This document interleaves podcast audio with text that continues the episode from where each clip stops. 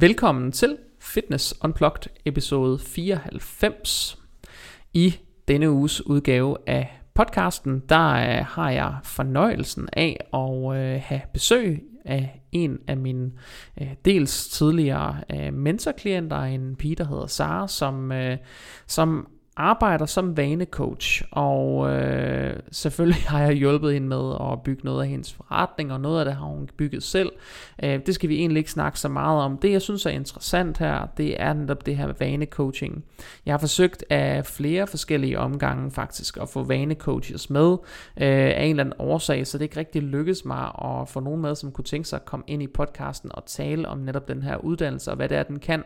Det synes jeg er lidt ærgerligt, øh, særligt øh, med afsæt afsæt i, øhm, i hele den her, øh, hvad skal man sige, øhm, øh, al den her snak, der er om de her alternative måder at lave kostcoaching på, øh, netop i den her tid, hvor man snakker så meget om, hvad øh, kostplaner gør ved folk, øh, især igennem lang tid, så mangler der ligesom også lidt et modstykke til, hvad alternativet er, og der er vanecoaching altså et af de her sådan blødere redskaber, der har vundet frem hen over de sidste øh, par år.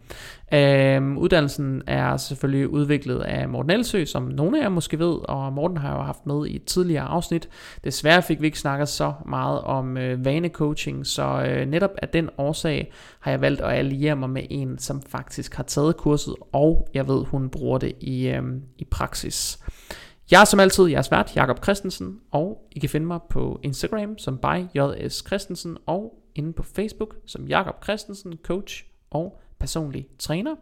Og så tror jeg faktisk ikke, jeg vil sige ret meget mere end velkommen til dig, Sara. Hej Jacob, tusind tak. Dejligt at være med. Er du nervøs, så? Ja, man er vel altid lidt nervøs. Man tænker altid, hvordan sådan en intro, den skal lyde bedst. Det, øh... øhm... mm. Ja, jeg er sådan en one take only, der har jeg også været, der jeg har lavet videoer og sådan noget, og, øh, og jeg har det bare bedst sådan med, det er sådan helt impro, og sådan bare lige fra hoften, det er sådan, det bliver bedst. Nogle gange er det rigtig dårligt, og nogle gange er det rigtig godt.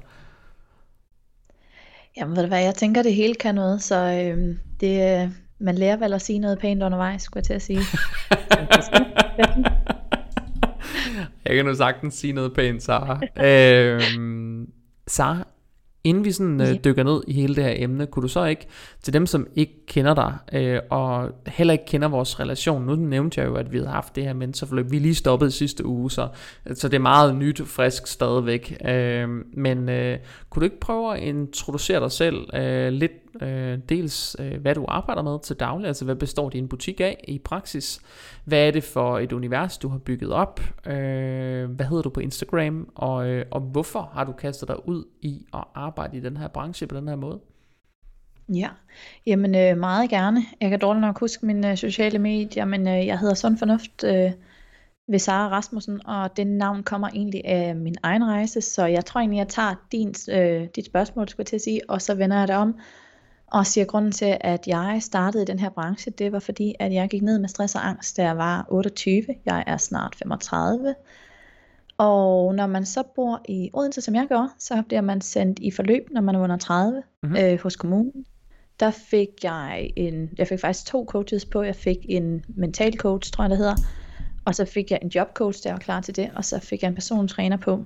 Så jeg begyndte at lære det her omkring, hvordan at fornuften spiller sammen med træningen. Øhm, så det er ligesom at det hele menneske, man skal arbejde med, hvis vi skal arbejde med løsninger. Jeg har BD, lider af spiseforstyrrelsen BD, som er overspisningstvangs, overspisningssygdommen. Øhm, den blev også diagnostiseret deromkring, men jeg kan huske helt tilbage fra da jeg gik i 4. klasse, at de her tvangsoverspisninger begyndte. Øhm, så det blev jeg diagnostiseret med, og fik hjælp til at komme stille og roligt videre med.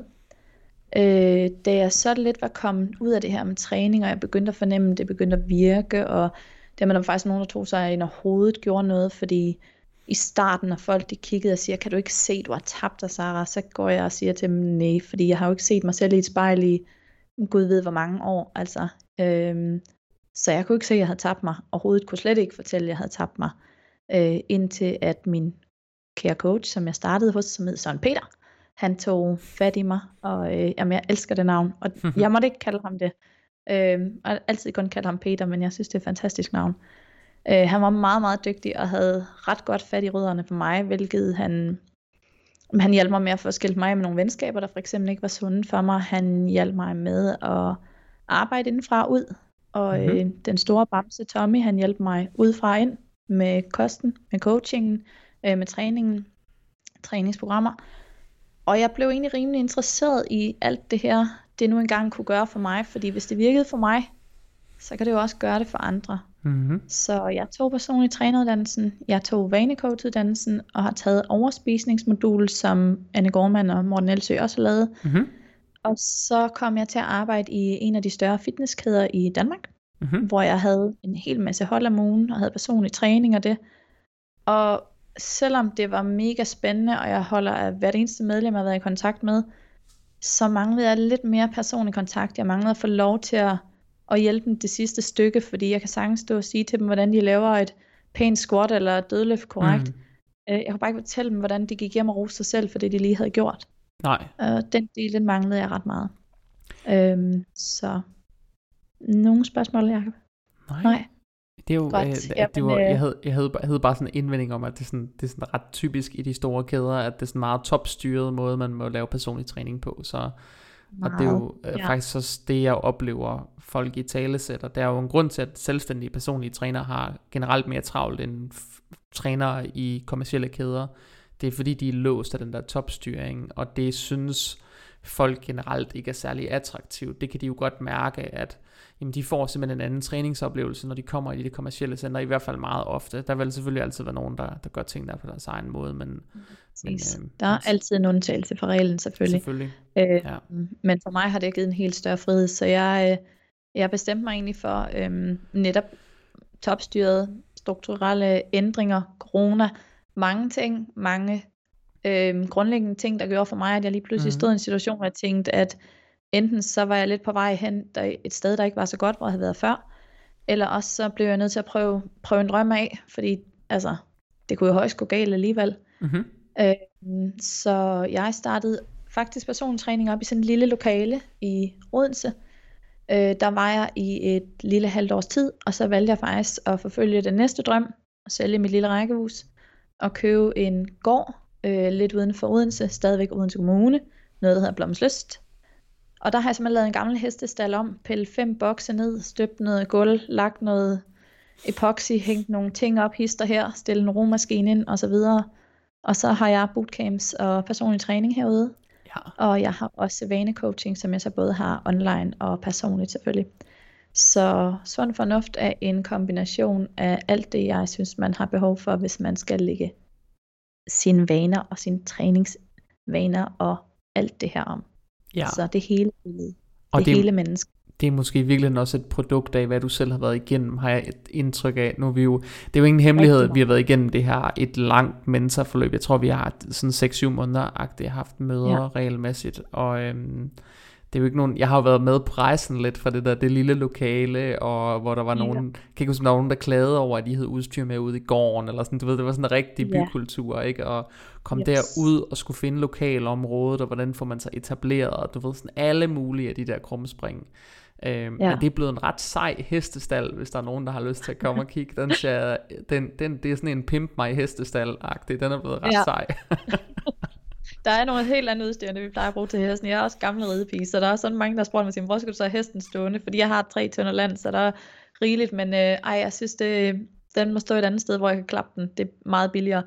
Øhm, herude, der har jeg jo også valgt at kombinere, fordi det fandt jeg faktisk ud af, da jeg var øh, tidligere ansat, at øh, udendørstræning kunne faktisk noget. Mhm. Mm. Jeg fik lov til at beholde et øh, udendørshold, fordi vi startede et op i det var 2019, og mit hold var det, der kørte bedst af alles i hele Danmark, så jeg fik lov til at beholde det, fordi jeg havde så seje medlemmer, der gad at dukke op lørdag morgen og torsdag aften.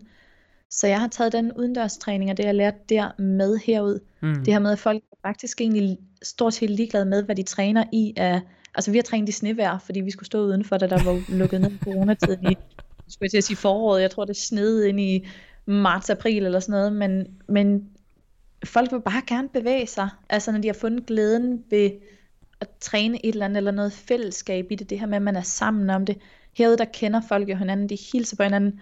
Nogle gange så står jeg og kigger på dem og tænker, hvordan kan du overhovedet huske, hun skulle til tandlægen, eller hendes hund var syg, eller datteren skulle et eller andet. De kender bare hinanden på et helt andet plan, og jeg står bare nogle gange og tænker, shit, altså hvor er det vildt. Altså hvordan kan I lytte og huske og lære?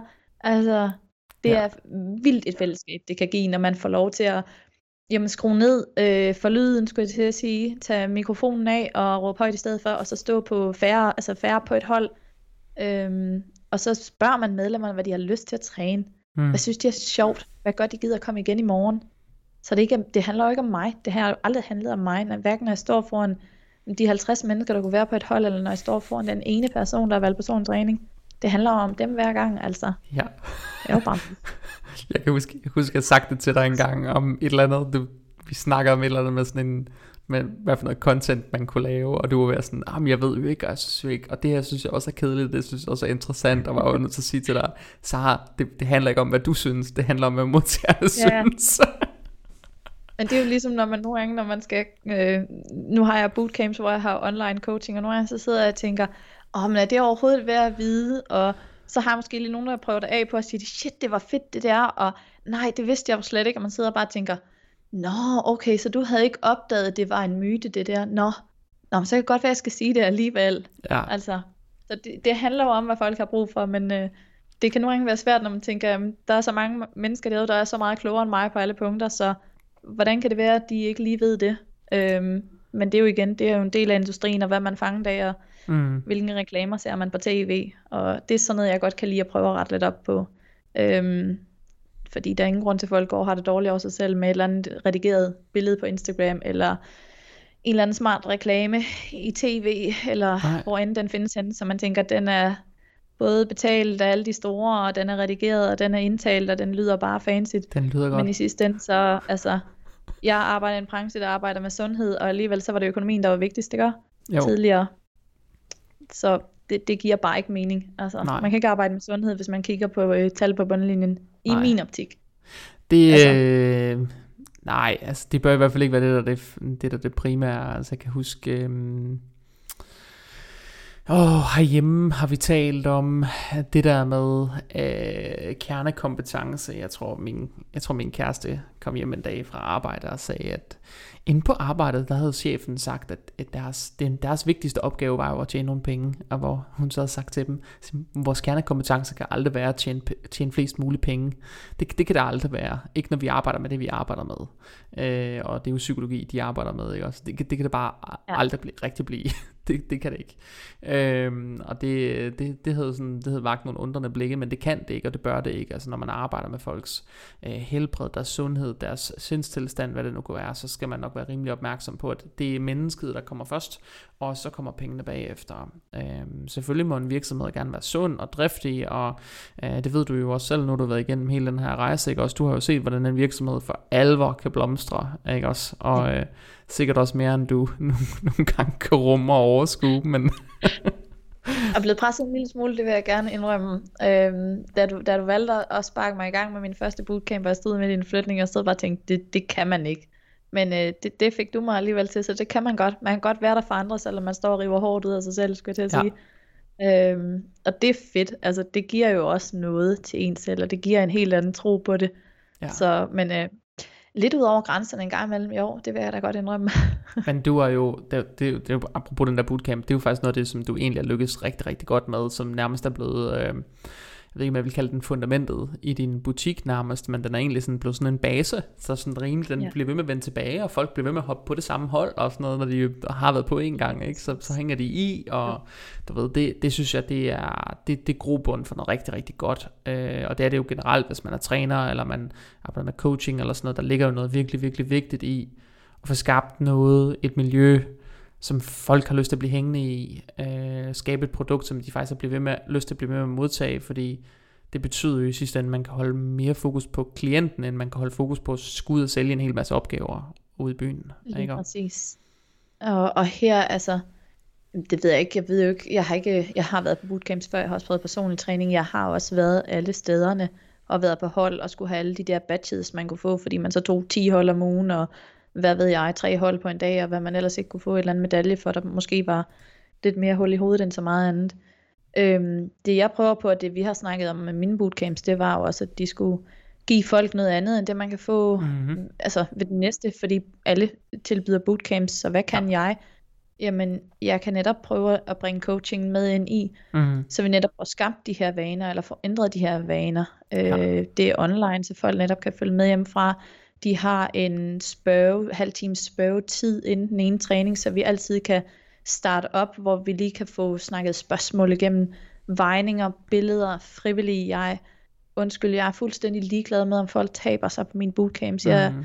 når jeg har vanecoaching-klienter igennem, og så siger de, så nu har vi haft øh, 10 sessioner, jeg har ikke tabt mig, så plejer jeg at kigge på dem og sige, "Nå, men hvad har du så tabt?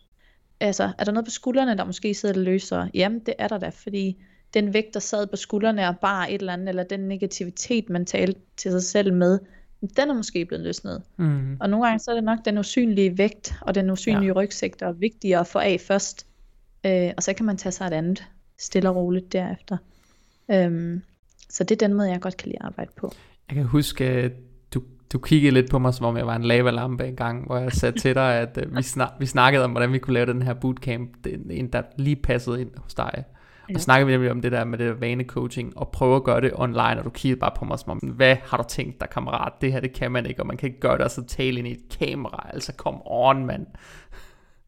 Ja, der er rigtig mange, øh, der var rigtig mange skræmmende tanker der, og jeg vil sige det sådan, at med alt det, man hører om online, øh, der sker lige nu, så kan man altid godt sidde og tænke, Nå ja, det er også en helt anden branche selvfølgelig, og det skulle jeg til at sige, det er en helt anden tilgang, der er til tingene, øh, Mm. når man snakker online træning hos nogle trænere.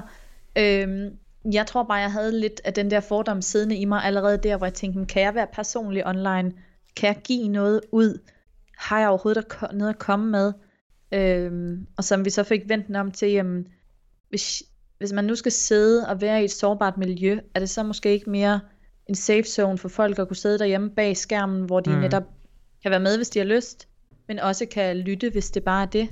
Øh, kan lytte på et andet tidspunkt og stille spørgsmål. Mm. Så netop det der med, at folk kan få lov til at være med på den præmis, de nu engang har behov for, Ja, øh, det, det gav super, super god mening. ja. Så ja, det er jo ikke online coaching, kun mig, der sidder og snakker. De har nogle opgaver, de har nogle ting, vi gennemgår, de har en mappe, vi går igennem, og så har de fri mulighed for at stille alle de spørgsmål, de vil. Ja.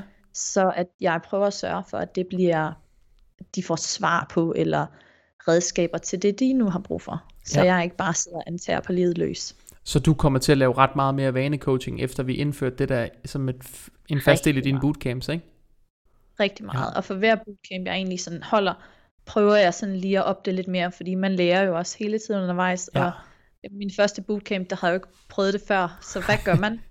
øh, og heldigvis er folk jo søde til at sige, det der var fedt, eller ej, det der kunne jeg godt have brugt noget mere af, eller det der gav super ja. god mening, fordi de, de fleste ved måske en eller anden sted godt, hvordan man træner. Altså, Mm-hmm.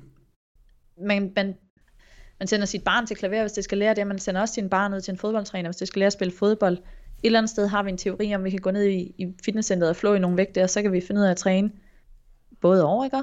Mm-hmm. Øhm, her kan de komme og få en personlig træner til rådighed, hvis de ønsker det. De kan også, altså de træner jo som et hold, men de kan også få mulighed for at få hjælp til deres skavanker. Men der, hvor jeg virkelig kan se, at de kan rykke sig, også i deres træning, det er, når vi tager det mentale med. Ja. Altså når vi snakker om deres udfordringer, så når de faktisk, øhm, for mig tror jeg, at hvis vi skal trække min historie med ind i, så tror jeg, jeg skiftede over til noget autoreksi på et tidspunkt, tror jeg det hedder, øh, hvor jeg fik noget træningsafhængighed. Mm-hmm. Øh, hvor træning blev, fordi jeg havde spist noget, eller fordi jeg havde gjort noget forkert, så det bliver en form eller for straf-element eller sådan noget. Fuldstændig. Ja. Og fordi at der skulle være en fest i weekenden, eller et eller andet. Jeg kan huske, at jeg engang var ved en tidligere veninde, og øh, jeg skulle til fødselsdag ved dem, og havde taget to bike-timer inden, fordi at hendes øh, mor havde altid haft det med at kommentere på min krop. Øhm, og så var jeg nede til den her fødselsdag, og jeg var så nervøs, fordi jeg, jeg kan ikke rigtig lide, når folk skal kommentere på min krop, hverken om den ser ud på den ene eller anden eller tredje måde. Det, det er min krop, altså. Øh, og jeg sidder dernede, og jeg spiser et lille stykke brunsvig, og har fået et rundstykke, og er dernede i en 3-4 timer og kører hjem igen. Og tænkte, det var egentlig okay. Det var meget positivt. Øh, så fik jeg en dunderende hovedpine, da jeg kom hjem. Lagde mig ned, og jeg ved godt, at hovedpinen kom af alle de her bekymringstanker, og tænkte, det var der ikke nogen grund til. Næste dag, så fik jeg den her besked af min veninde. Hun ringede til mig, og så siger hun, øh, Nå, men det var fordi min mor skulle bare lige høre, om du var okay. Jeg siger, ja, det er, hvorfor skulle ikke være det? Om det var fordi hun var bange for, at du er ved at, altså, du ved, om du er ved at falde i, for du spiste jo et stykke brunsviger. Siger, for fanden, du serverede jo brunsviger. Altså, hvad, hvad synes du, jeg skulle gøre? Jamen, jamen det, var, det havde hun også sagt til hende. Altså, det havde hun jo sagt. Jamen, altså, for fanden, du kan jo sige, at jeg brækkede to timer, inden jeg skulle til din fødselsdag. Hvis det så er, altså, er godt nok for hende. Så det var hele tiden den her med, når man, Ja. var det godt nok, det man gjorde, og kan jeg lige træne lidt mere, hvor det er jo også det, jeg har set hos nogle af mine bootcamper, hvor nu træner man, fordi det er sjovt. Fordi det er, jeg kan godt lide at få sved på panden, jeg kan godt lide at blive udfordret, jeg kan godt lide at få pulsen op. Øh, det har ikke været sådan tidligere, og slet ikke, når det var, jamen, du ved, uret skal vise, om jeg forbrænder 300 kalorier eller 400 kalorier, Nej. jeg forbrænder ikke det, så har jeg ikke gjort det godt nok, og alt det her. Øhm, så hvis man kan få ændret den mentalitet også ved at inddrage noget coaching, så, øh, så tror jeg, at folk kommer længere i deres træning, end, end Ja. det jeg i hvert fald har været inde, inde Ja. på selv. Jeg har jo, de, vanecoach er faktisk en af de der uddannelser, jeg faktisk selv har lyst til at tage. Jeg har virkelig meget lyst til at tage det der kursus, men jeg synes bare aldrig, jeg har tid. Jeg arbejder så meget hele tiden, altid, og det er det der med at finde tiden til at gøre det der, om at skulle møde op, og skulle sige fra til andre ting og sådan noget, det er bare, men jeg tager den anden dag. Jeg tager den anden dag, fordi jeg synes, den, den kan nogle ting, og den har nogle elementer, øh, som øh, jeg synes det er super vigtigt. Og det er jo også, øh, det er jo så også en af grundene til, at vi laver den her podcast. Øh, jeg synes, jeg synes, det giver mening, og det er jo, nu kan man sige, jeg kommer jo selv fra den der baggrund, hvor jeg har så lavet så mange kostplaner, så har jeg har lavet så fucking mange kostplaner, du tror, det er løgn. Jeg også bare tænker, oh, Jesus mand, og hvis man så indholdsmappen, ikke også, og man bare tænker, det der, der du ikke sendt ud til folk. Jeg har lavet dem alle sammen. Jeg har lavet det der, ikke? og dengang en kostplan var uden valgmuligheder, dem har jeg også lavet. Ikke? Sådan Ja. helt bare rough i Excel, det er sådan her, du spiser, og det er sådan, det skal se ud. -agtigt. Jeg har gjort det Ja. hele, altså, og jeg kan jo godt se i dag, altså, jeg har jo selv været med til at være en del af den bevægelse, som har skabt det her problem, ikke også? Jeg er ikke den, der har haft de fleste af dem, men jeg har jo selv været med til at være en del af den spæde start, ikke også? Jeg har jo været med siden før det blev organiseret i smarte CRM-systemer som Lenus og Sendfit og sådan noget. Jeg har været, altså, men da det er kommet og taget over, der har bare været så ekstremt meget fokus på det der, og der er det bare blevet mere og mere tydeligt, at der er brug for nogle andre typer værktøjer. Altså simpelthen, simpelthen bare brug for andre måder at gribe det an på. Det behøver ikke engang nødvendigvis være vanecoaching, men bare sådan noget som at, at, at, at, at gribe det anderledes an, prøve at gribe det an på en blødere måde. Øhm, alene at give, altså alene det der med at bruge, øh, du ved, makrotælling for eksempel, vil jeg sige, det er et markant blødere redskab, end at give folk en kostplan for eksempel, ikke? Øhm, og noget som, og faktisk, det tog mig noget tid at nå dertil, hvor jeg synes, det faktisk var en god idé, at folk selv kunne tælle deres kalorier, ikke? Også hvis det var det, de gerne ville, ikke? Så, så jeg har jo også været i en fase, hvor jeg skulle igennem noget overvindelse, men jeg synes, det er en god, altså jeg synes, det er en god idé, og der er jo så meget af det, som, nu lever jeg jo selv sammen med en psykolog, der er så meget af det, der psykologisk giver så god mening, ikke? Ja. Så, så det giver god mening at kaste sig ud i det, men det jeg er lidt nysgerrig på, det er, at inden du selv tog kurset, Ja. der gik du i det her forløb med Odense Kommune, hvor du havde den her personlige Ja. træner. Apropos Odense Kommune, så er det faktisk en af dine kunder, hvor du tilbyder noget tilsvarende ja. til dem, ikke også? Lige Så, præcis. Apropos, Fordi hjælper ikke? så kan jeg jo øh, tilbyde det videre til deres øh, borgere nu. Ja. Så jeg har borgere i ressourceforløb, jeg har borgere med alle mulige udfordringer og sygdomme, og det Mm. er sindssygt spændende. Men dengang du gik ved ham, træneren, du nu gik ved, hed han Tony Ja. eller sådan noget? Tommy, ja, Tommy? det er meget godt. ja, Tommy? Ja. Okay. Meget stor, blød, flink mand fra Åben Rå. Så en stor, blød, flink mand. Ja. Var det sådan klassisk med kostplaner, eller var det sådan noget kostvejledning, eller hvad var det for noget? Det var, han, han snakkede lidt med mig om kalorier, fordi jeg havde ikke sådan rigtig noget begreb om det. Øhm, så det var faktisk egentlig træning, jeg var i det her forløb, hvis jeg skulle have lov til at fortsætte på det her kommune, så var jeg faktisk forpligtet til at møde op til træning to gange om ugen. Og der havde Okay. jeg fået et træningsprogram. Øhm, og det første jeg sagde til ham, det allerførste jeg sagde til ham, det var, øh, Tommy, hvis du stiller mig i nærheden af nogle af de der store drenge, og så kiggede jeg over på nogle af dem papper, så siger jeg, så går jeg igen. Så du, du kan godt glemme at stille mig, jeg skal ikke stå i vejen for nogen. Så det han gjorde, og det jo også det, jeg har lært, for jeg blev virkelig lyttet til, det var, at han tog mm. mig ind i en holdsal i det her center. Så viste han mig en TX, de her slyngetræner, seler, som er mm. så Mhm. populære. Øhm, og så stillede han mig derinde med mit eget program. Så jeg stod derinde og passe mig selv lige i den tid, det nu engang skulle tage mig. Der kom ikke nogen hold derinde, der kom ikke nogen og forstyrrede mig. Så der kunne jeg få lov til bare at stå og lære det selv. Og så var han der jo til at undervise mig, når det var, jeg havde brug for det. Sådan noget, for mm-hmm. han havde også et par andre i forløb. Øhm, det er egentlig den måde, det foregik på. Okay, så der var egentlig ikke så meget omkring kost, det var primært omkring motion? Ja, det var primært omkring motion. Det er så ligesom, jeg, jeg troede, at jeg jo kunne træne den her, det tog mig et par timer sådan i starten at komme igennem mit program, jeg var ikke i så god form. Så jeg kunne tage tre gentagelser, skulle holde en pause, men der stod i 12 i mit program, og det skulle jeg, det skulle fandme resten også igennem der. Øhm, så jeg koblede en kostvejleder på. Jamen, stadigheden den fejler virkelig ingenting nogle gange. Nej. Men mine forældre hjalp mig med at kost, øh, koble en kostvejleder på. Og det kan jeg huske, at jeg i starten blev mega frustreret, fordi jeg forstod simpelthen ikke det her med grøntsager, og jeg har haft nogle mavetarmproblemer, og så ville jeg ikke spise morgenmad. Jeg spiste to måltider om dagen på det tidspunkt, men det var jo nogle ret store måltider. Der var jo nogle overspisninger indover også, man måske lige kunne glemme at fortælle om og sådan noget. Men jeg troede, jeg kunne træne en time, og så troede jeg i hvert fald, jeg kunne spise som minimum en plade riddersport. Som minimum. Det, det var jeg helt sikkert på, at jeg havde forbrændt. Okay. Øh, så, så mit, mit, du ved, jeg, er ikke, jeg har aldrig været god til at regne, men den her, den kunne jeg da slet ikke regne ud. Nej. Øh, så der fik jeg egentlig kostplan for første gang, og det begyndte egentlig at gå rigtig godt, og så bliver man jo mere bit af det, og så havde jeg et forløb i 2017. Ja. Og det havde jeg faktisk ved et øh, privat træningscenter her i Odense, hvor jeg havde en personlig træner, og der fik jeg en kostplan, og det var så hårdt for mig at være igennem, at jeg lider af nogle følgevirkninger i dag, der gør, at jeg har selv nogle fødevarer, jeg bruger min egen coaching, og jeg bliver selv coachet for at implementere i mit liv igen.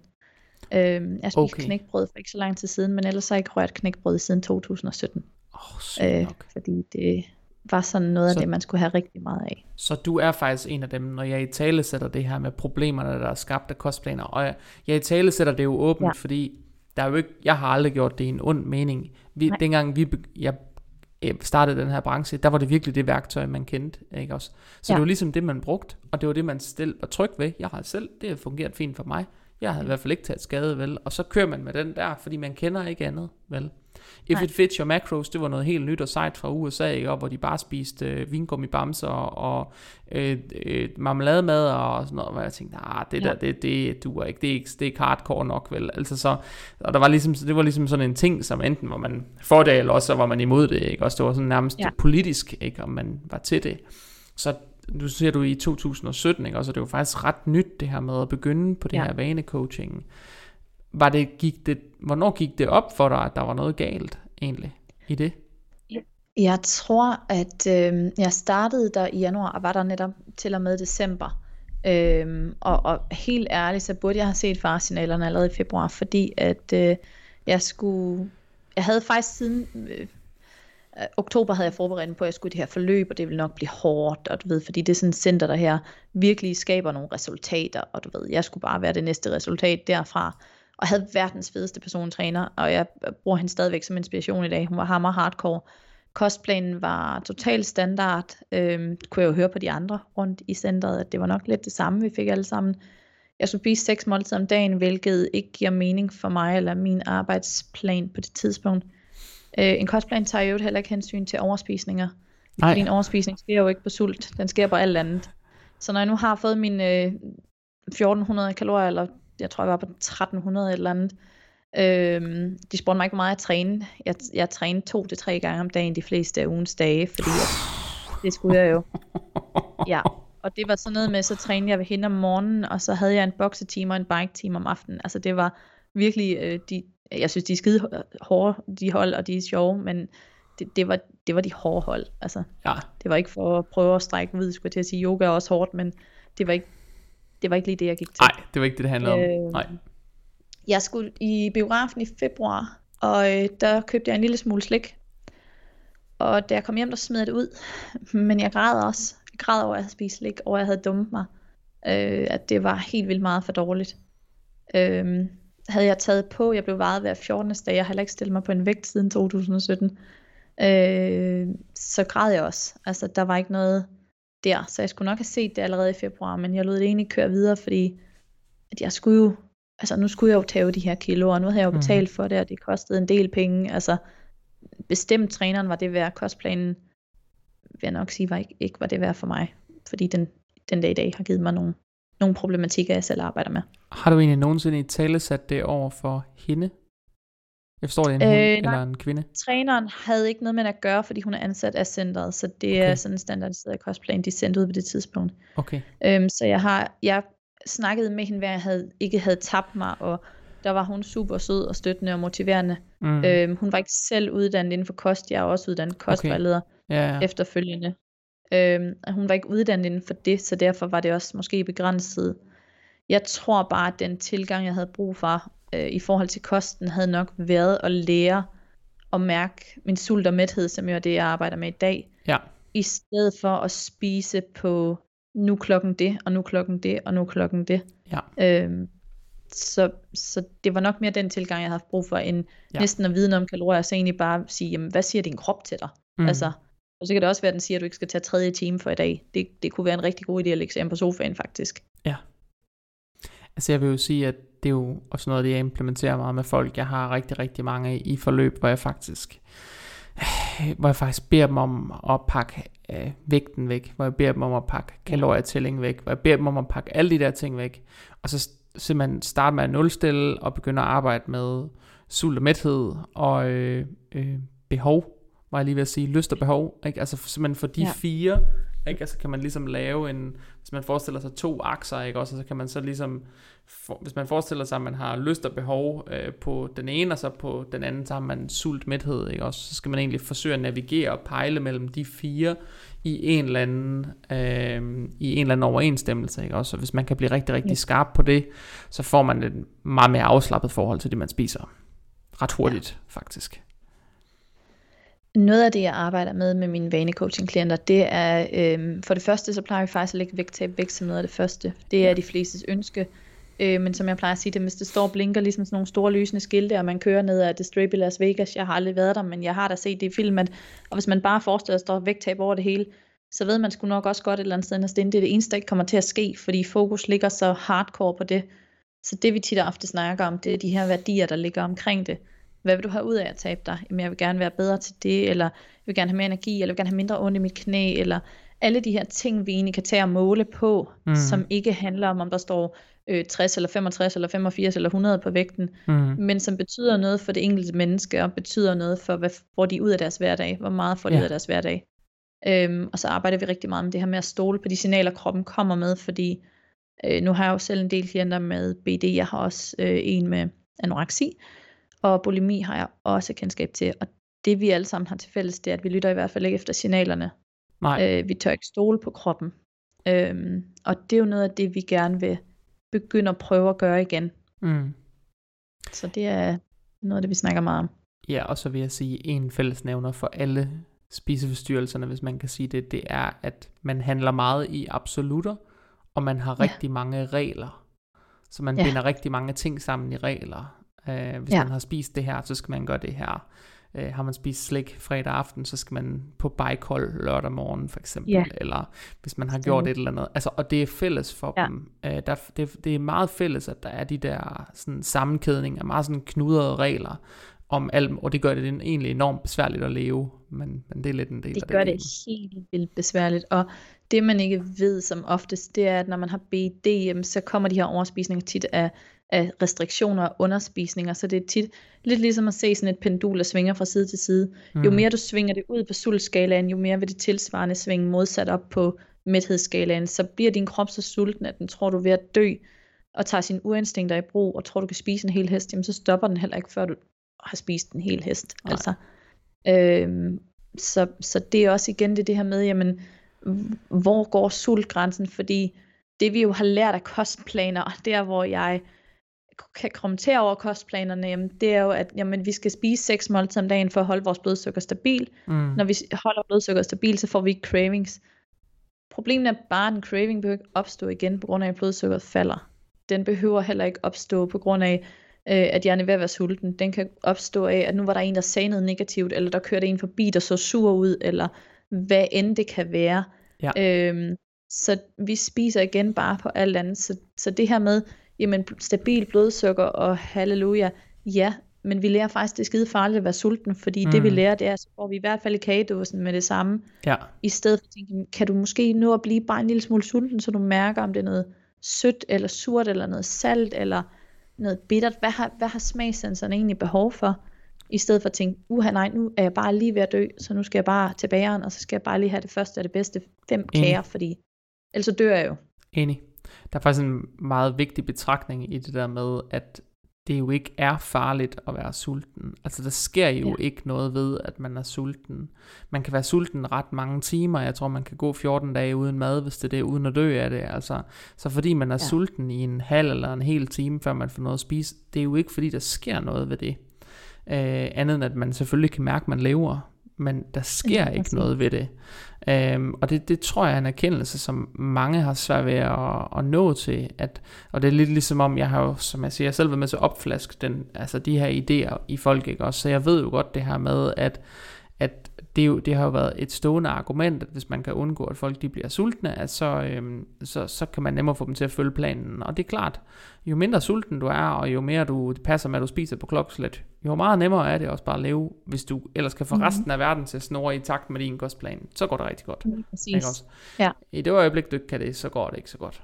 Øhm, det er det. Og, det er jo... og livet kommer bare tit i vejen, ikke? Altså, hverdagen kommer i vejen, og der er nogen, der bliver syge, og der er nogen, der bliver ked af det, og der er noget, der og arbejdet tager længere tid, og altså, livet er bare fyldt med ting, der ikke skal gå efter den snor, man nu har lagt frem.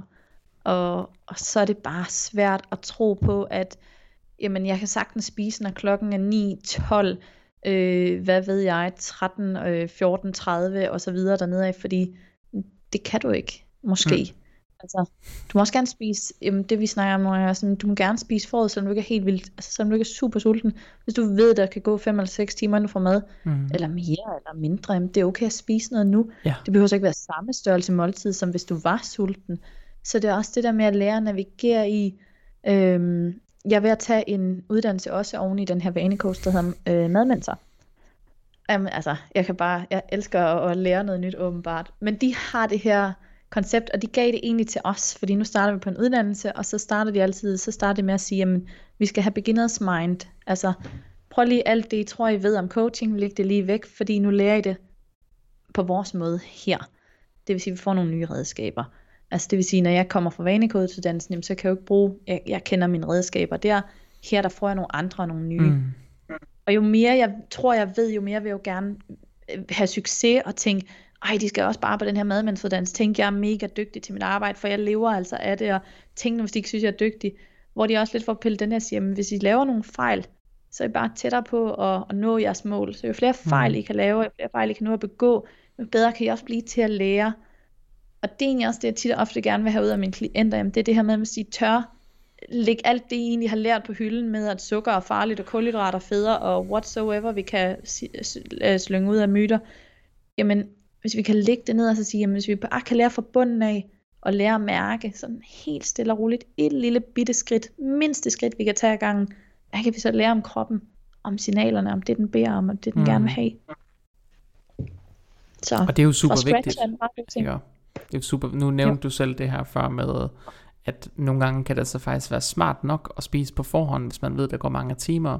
Når, øh, når ja. jeg sidder og har de der kognitive kostvejledningssamtaler med folk, og indimellem har jeg jo faktisk også nogen, som har sådan øh, en eller anden grad af noget BED, ikke? Også hvor man, hvor som jeg også ja. siger til dem, så siger jeg, prøv at høre, jeg kan hjælpe dig ind til en eller anden grad. Det kan godt være, der opstår en situation, eller et punkt, hvor jeg er nødt til at sige til dig, hertil jeg kan ikke hjælpe dig mere end hertil. Vi er nødt til at koble en psykolog eller et eller andet andet på, fordi det er så det, de har brug for. Men jeg har nogen, som faktisk går i nogle ret succesfulde forløb med det der, og, og noget af det, som jo, noget af det, som jeg synes er lidt pudsigt, det er, når man introducerer dem for det her, jeg snakkede om før, to akser, hvor man på den ene har sult og mæthed, og på den anden har lyst og behov når man så introducerer dem for det der med, at de skal forsøge at undgå behov og behovsudsætte, som jeg ved faktisk er sådan en vane coaching del, det der med at forsøge at undgå det og virkelig byde det indenfor, ikke også når man har lyst ja. til noget. Være i det.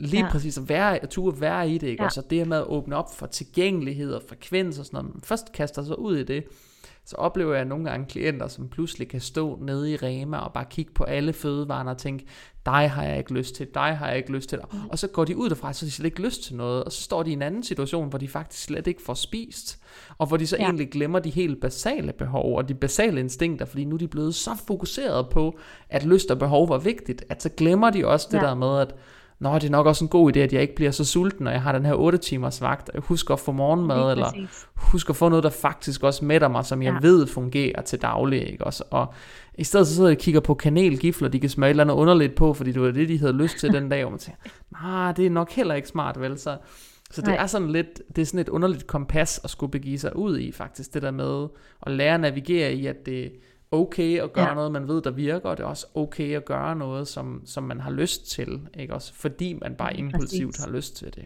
Ikke?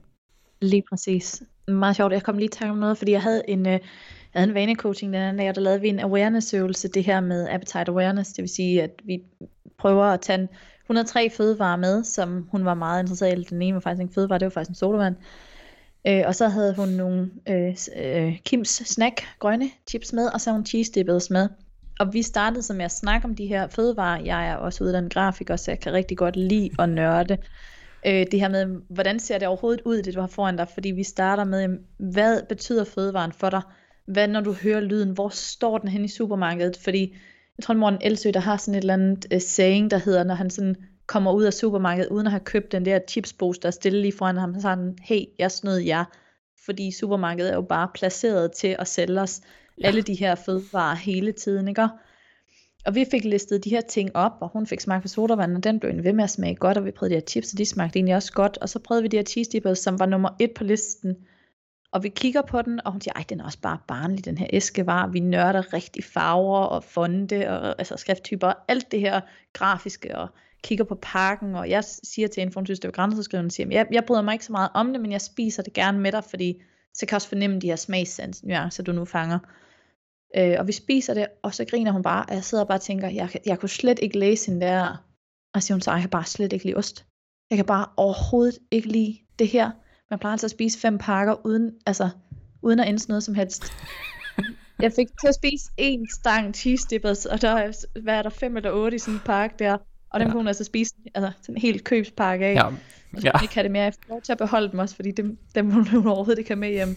Så det var så vild en oplevelse det der, og det var så vildt at se hende sidde der og grine, og jeg sad bare og tænkte, fordi jeg synes jo, jeg prøver at bruge humor en gang imellem, men jeg tænkte lige der, synes jeg ikke, jeg sådan bevidst havde været særlig sjov.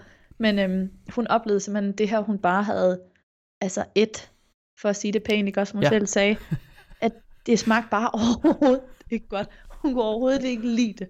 I nærheden af at kunne lide det. Nej. Og det er fedt. Det er en fed oplevelse, når man netop lige pludselig smager på det, kigger på det, opdager, hvad er det egentlig, jeg spiser, nyder af det, Nej, altså overhovedet ikke. Okay, så er det bare opfyldt et behov. Ja, og det er jo faktisk noget af det, der jo, noget af det, jeg jo synes, jeg i hvert fald tit oplever med folk, der især har sådan en tendens til enten en, enten en eller anden grad eller en tendens til noget binge eating disorder, eller som sådan regulært har det, at det er ofte nogle fødevarer, som er sådan ultra tilgængelige. Altså de er sådan virkelig ja. ready to eat-agtige ting, ikke også? Eller noget, der ja. virkelig kan forberedes i en mikrobølgeovn på tre minutter, ikke også? Altså det er ting, som, som bare er let tilgængelige, og hvor jeg vil faktisk tit synes, der er en rigtig god udfordring i, at, at begynde at lave nye opskrifter og begynde at lave mad. Altså så simpelthen tage en, en dag eller to om ugen, hvor man så virkelig tager sig god tid til at lave noget, der ja. man synes er spændende, og som, så man kan dufte til det, og så man kan smage på det, og så man sådan får kredset om det, fordi der ligger også noget ja. i, du ved, når man, sådan, når man selv har formet sin bøf, og man har selv kørt tilstrækkelige mængder ja, salt og peber på, og smagt på salaten, og selv man har fået alle sansindtrykkene og sådan noget. Det giver ja. bare en anden spiseoplevelse, end det der, ja. som man inhalerer på den måde der, som man jo tit gør. Nu snakker du om fem pakker cheese dippers, ikke også? Men, men det er jo det der med at tænke sig engang, man kan spise ting i så store mængder, uden faktisk at opdage, hvad det er, man putter i munden, ikke også? Lige Og præcis. Det, det oplever man ikke på samme måde, hvis man egentlig begynder at tage sig god tid til madlavningen på den måde. Øhm, Og det, det er der bare noget ret interessant i det der, når man begynder også at give folk ja. sansindtryk, og så holder det op det der, og så begynder de at forholde sig til, hvad de faktisk kan lide i stedet for, ikke? Ja, lige præcis. Nogle gange så duft, bare det, de dufter til det. Jeg har stadigvæk en klient, også, altså jeg har lavet de her height awareness øvelser så mange gange, og jeg har stadigvæk en klient, der siger, du har ødelagt den der for mig, og jeg synes, du er træls, og man sidder bare tænker, jeg har bare bedt dig om at smage på det. Altså det ja. var egentlig bare smage på det. øh, og noget af det, vi også snakker om coaching, det er, at man må gerne være madsnoppet, og det er ikke fordi, man behøver kun spise sommerbird chokolade og købe øh, bøffer fra mash og alt muligt andet, det er slet ikke det. Men netop det her med, man, hvad vil man egentlig gerne prioritere? Mm. Altså, hvad har man lyst til?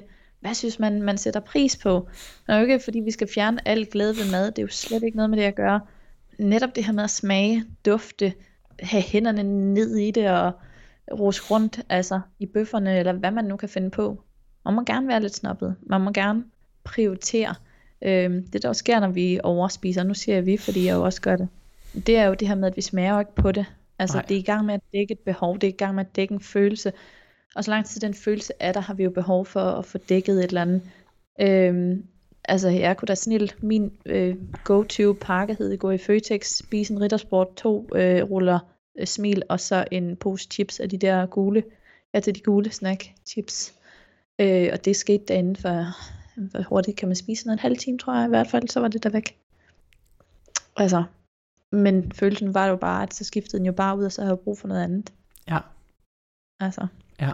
Så, men skulle jeg være i det, skulle jeg kunne mærke det og sanse det samtidig med, så havde det været for svært at være i, for netop det her med, når vi er i gang med de her følelser, så kommer der jo skyld og skam op, og man bliver flov, og man bliver, mm. altså jeg har jo selv da jeg flyttede hjemmefra, da jeg var 19, så pakkede jeg jo alt det her øh, slikpapir ind i køkkenrulle, fordi ting, hvis mine forældre lige kom på uventet besøg, eller veninderne, de så åbnede min skraldespand, og så de der mængder slik, der lå dernede i. Altså jeg gemte det jo altid, ja. og opdagede den anden dag, at den, at den stadigvæk sad der næsten, tror jeg, en måned siden, hvor jeg sådan havde lyst til sådan lige at pakke ned ind og tænkte, det var lige meget. Altså, jeg har da spist det, de har ja. da set mig sidde og spise det. Men, men den der skam sad der bare næsten sådan stadigvæk. Ja. Øhm, så, så det er jo igen, der er jo mange måder ind til coaching, men, ja. men det her er også bare noget af det. Behovsdækning. Ja. Behovsdækning, ja. Og der ligger ja. jo også noget med, altså sådan blive god til at undgå det der behovsudsættelse på en eller anden måde, ikke? Ja. altså for nogle er det jo faktisk, for nogle er det jo faktisk præcis den del, der knækker koden til det der øh, binge eating disorder, altså når de sådan for alvor kan stoppe deres behovsudsættelse og gøre alting sådan hyper tilgængeligt hele tiden, så, ja. så, så mister det glansen og magien på en eller anden måde, ikke? Og så, så, så begynder de pludselig at forholde sig til, hvad er det, jeg spiser? Hvorfor spiser jeg det? Så godt smager det ikke i så store mængder, og så sker der nogle helt nye ting, ikke ja. også? Og det synes jeg er ret sjovt. jeg havde den selv, og jeg fik den selv. Øh, jeg er faktisk en af dem, der underviser på øh, vanecoachuddannelsen, fordi da jeg tog vanecoachuddannelsen, der gik det ene, jeg havde jo min diagnose, men det gik egentlig op for mig, at jeg måske nok øh, ikke kun lå i den lette kategori, jeg lå i moderat BD. Øhm, og der gav hun mig nemlig en opgave, og den har jeg også brugt for mine klienter, men de får selv lov til at, altså pick your poison, det får man selv lov til. Vi tager sjældent det, der sidder øverst på pedestalen, fordi det er noget af det sværeste at pille mm. ned, så vi gerne trappe lidt ned først. Øh, for mig var det træstammer, og jeg har det med, øh, at jeg altid købte ting i par. Øh, så hvis jeg køber to, altså jeg køber ikke en plade Marbu, jeg køber to, fordi hvis jeg når at spise den ene på vej med bilen, så når jeg ikke at nyde den og smage den, og så er det synd for mig, når jeg kommer hjem. Så skal jeg også have lov til at have en foran fjernsyn jo. Så jeg køber meget i, jeg køber meget i par. Og øh, der hed det en opgave, det er også noget af det, vi bruger i coaching. Jamen, så vælger vi det antal uger eller dage, man er tryg med. For mig blev det 14 dage. I løbet af de 14 dage måtte jeg spise alle de træstammer, jeg ville. Så jeg spiste en til to træstammer stort set hver dag. Øh, og der bliver man del med bange for at tage på. Og det er ja. en frygt, at jeg selvfølgelig også snakker med mine klienter om, vi skal lære at lægge på hylden. Bare lige i de der 14 dage, for hvor slemt kan det egentlig nu at stå til, hvis vi nu snakker væske, og så går vi ind i alle de her nørderier omkring tallene. Hvad kan der egentlig ske? Hvor meget skal der faktisk reelt set til, før vi tager et kilo fedt på, og alt ja. det her. Øhm, så vi gør dem lidt trygge i det. Og det gør også den dag i dag, der kan jeg købe en træstamme, og kan også glemme, at jeg har købt den. Øhm, jeg kan også spise den til en frokost, så det bare er min frokost. Så den er egentlig bare blevet en helt normal fødevare, ligesom alle de andre. Ja. Øh, men det var den ikke før. Nej. Og, og der skulle den her øvelse til, for jeg lærte, at det var bare mad. Det var ja, bare energi. Lige præcis. Altså. Så der, skulle, der var en øvelse i at gøre noget hyper tilgængeligt, ikke? Fuldstændig. Men man vælger selv, eller i samarbejde med sin coach, øh, hvor meget skal det være, hvor meget er man tryg ved. Jeg har klienter, der har valgt, jamen så var det det, det her med sparringsbærposen, jamen så var det 75% af den, fordi det var det, hun tænkte, jamen det var det, der skulle til, før hun nød det. Og så vælger vi et antal dage, og det kan da lyde meget at få sådan en om dagen, men vi snakker også om, giver det mæthed og giver det energi, og det er jo ikke fordi vi skal, det vi ofte plejer at gøre, det er at lægge det oven i vores mad, Nå, så skal jeg det ved siden af min morgenmad, eller ved siden af min frokost, eller ved siden af, men hvad hvis det bare er en del af? Altså det er jo bare kalorier. Ja. En kalorie er jo bare en måleenhed, det er jo ikke, altså igen, det er jo ikke sådan usund kalorier, altså det er jo bare en kalorie. Mm. En kilometer er også en kilometer, om du går den i bakket terræn eller lige terræn, så er det jo en kilometer. Det kan man jo ikke tage fra den. En kalorie er også bare en kalorie her.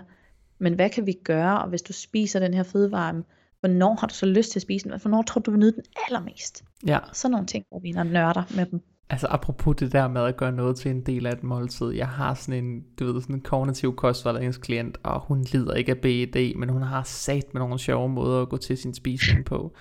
Og hun har små børn, og øh, så hun smugspiser øh, chokolade, og jeg tror sgu hun lytter med på den her podcast, så skraldgriner hun, når hun hører det her, men hun, hun smugspiser chokolade, når hun laver mad til dem i køkkenet, altså når hun laver aftensmad, lige inden ja. vi skal spise, ja. og så står hun sådan med hovedet gemt ned under køkkenbordet for at smugspise chokolade, så de ikke opdager det, fordi så vil de jo også have. Ja. Og, øh, og hvor jeg så udfordrede hende på, så siger ja, men nå, men, så siger hun, ja, men vi skal jo til at have aftensmad. Så siger jeg, okay, så synes jeg, I skal prøve, og det skal jeg så evaluere med hende på i næste uge, hvordan det så er gået. Ja. Så jeg synes simpelthen, du skal prøve, at I til jeres aftensmad, så gør du det til en del af måltidet. Du sætter det simpelthen bare på bordet, og så lader du som ingenting over for børnene. Du lader det bare stå og spørger dem, hvad de godt kunne tænke sig. Og så ja. ser vi, om du faktisk begynder at spise mindre mængder af det, fordi lige nu sker der det, at hun smugspiser under køkkenbordet, og så bagefter går hun ja. hen og spiser en almindelig portion aftensmad, fordi så ser det ud som om, at hun gør ligesom hun plejer-agtigt. Og ja, det er jo en præcis. underlig måde at komme til at spise alt for mange kalorier på, ikke også? Ved at spise et måltid for at spise et lige bagefter. Ikke? Lige så. præcis. Og så endda også overhøre lidt kroppens signaler, ikke? Fordi ja. man netop skal virke som om man er sulten, når man ja. måske egentlig ikke er det. Ja. Og det er jo faktisk en af de knep, som man snakker meget om, kan fungere godt i, sådan, når man skal lære børn at spise og navigere ja. i sultmæthed. Så man præsenterer dem for alle fødevarene, de skal have på samme tid, så der ikke er noget med, at man må få isen, når man har spist sin aftensmad. Man kan selv vælge, hvilken ja. rækkefølge man kunne tænke sig tingene. Og det ja. gør det ret meget nemmere at navigere efter sult og mæthed, hvis man ikke skal spise en bestemt mængde for at blive belønnet, men man faktisk kan få lov at spise præcis. præcis det, man har brug for. Så, øh, så der ligger nu altså nogle sjove kognitive redskaber i noget af det der, er jeg nødt til at sige. Det, det gør, gør der, og der ligger jo der ligger jo samtidig mange overbevisninger. Jeg har faktisk også en coaching klient, og hun er mega dygtig til det der med sin datter, og det er, det er så fedt at se, og samtidig så kæmper hun jo virkelig med sine egne overbevisninger, og vi har for eksempel lavet om, at det hedder ikke morgenmad, middagsmad, aftensmad, for det hedder måltider, fordi hun var utrolig meget bundet af, at vi skulle spise på best, altså bestemte tider, nu kl. 12, så skal jeg have noget at spise, med sulten eller ej. Så det vi egentlig arbejdede med, det var, nu har jeg spist en måltid, så ser mm. jeg bare, hvornår jeg har lyst til næste måltid. Så bare det at lave ordet om, tog noget forpligtelse ud af det for hende. Ja. Øh, men hun havde en coaching en dag, og så siger hun, så er det simpelthen, jeg, jeg blev sgu helt flov over mig selv i går, så siger jeg, nå, jamen, hendes datter havde kigget op, der hun, de havde lige bare kage, hun bager rigtig meget, rigtig glad for at bage, det giver hende sådan ro i det her køkken, og hun mega god til at bage med sin datter. De havde lavet en kage, der skulle bruges til dagen efter, og så var der noget, de har nogle æbler også fra deres æbletræ stående. Og så peger datteren til, må jeg få det? Eller må jeg smage, havde hun spurgt. Og så har hun sagt, ah, det, det må du altså ikke, den skal bruges i morgen. Så, men må jeg smage æblet? Altså det var æblet, hun, hun pegede op mod kagen og æblet, og det var æblet, datteren her ville have. Og som hun siger, siger hun, jeg antog jo bare, det var kagen. Jeg antog, det var i situationstegn det forbudte, hun ville have. Øhm, og, og nu gav jeg hende jo lov til æblet, og hvordan fik jeg det forklaret til hende, siger hun så, siger, du gav hende ikke for nej til kagen. Du sagde bare, at den skulle bruges i morgen, så der måtte hun få et stykke, så det vil sige, at den var jo ikke forbudt. Men det her med, at vi altid antager, at man vil have det situationstegn forbudte, forkerte, øh, usunde, alle de her negative ting mm. først. Altså at vi egentlig ikke spørger ind til, hvad er det du har lyst til, men vi bare ja. antager, om der står noget, vi kalder sundt og usundt, ja. øh, så du må have lyst til det forkerte. Ja.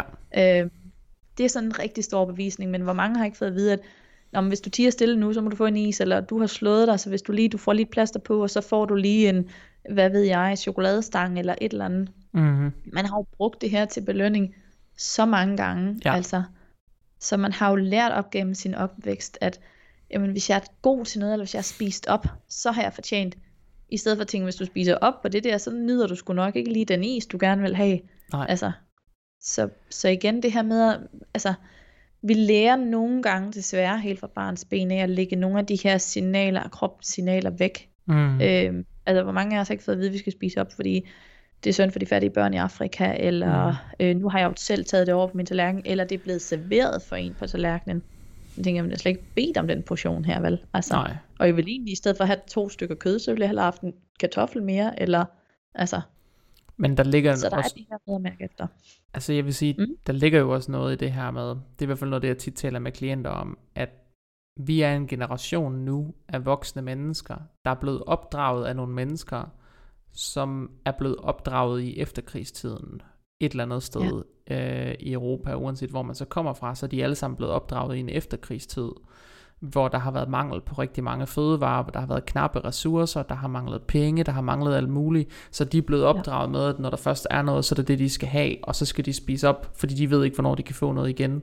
Og den opdragelse er blevet skubbet ned nu i nogle generationer, men vi er også en generation nu, hvor hvis vi vil have stoppet cirklen, så er vi nødt til ligesom, Ja. så er vi nødt til at slutte den, så er vi nødt til at sige, her til ikke længere, og så er vi simpelthen nødt til at begynde at ændre den der grundlæggende adfærd, fordi vi jo netop lever i et samfund nu, hvor ressourcerne ikke er knappe. Vi producerer så Ja. meget af alting, at CO2-aftrykket aldrig nogensinde har været højere, end det er lige nu, vel? Altså, og vi har så mange penge og alting i overflod, ja. alle sammen, ikke?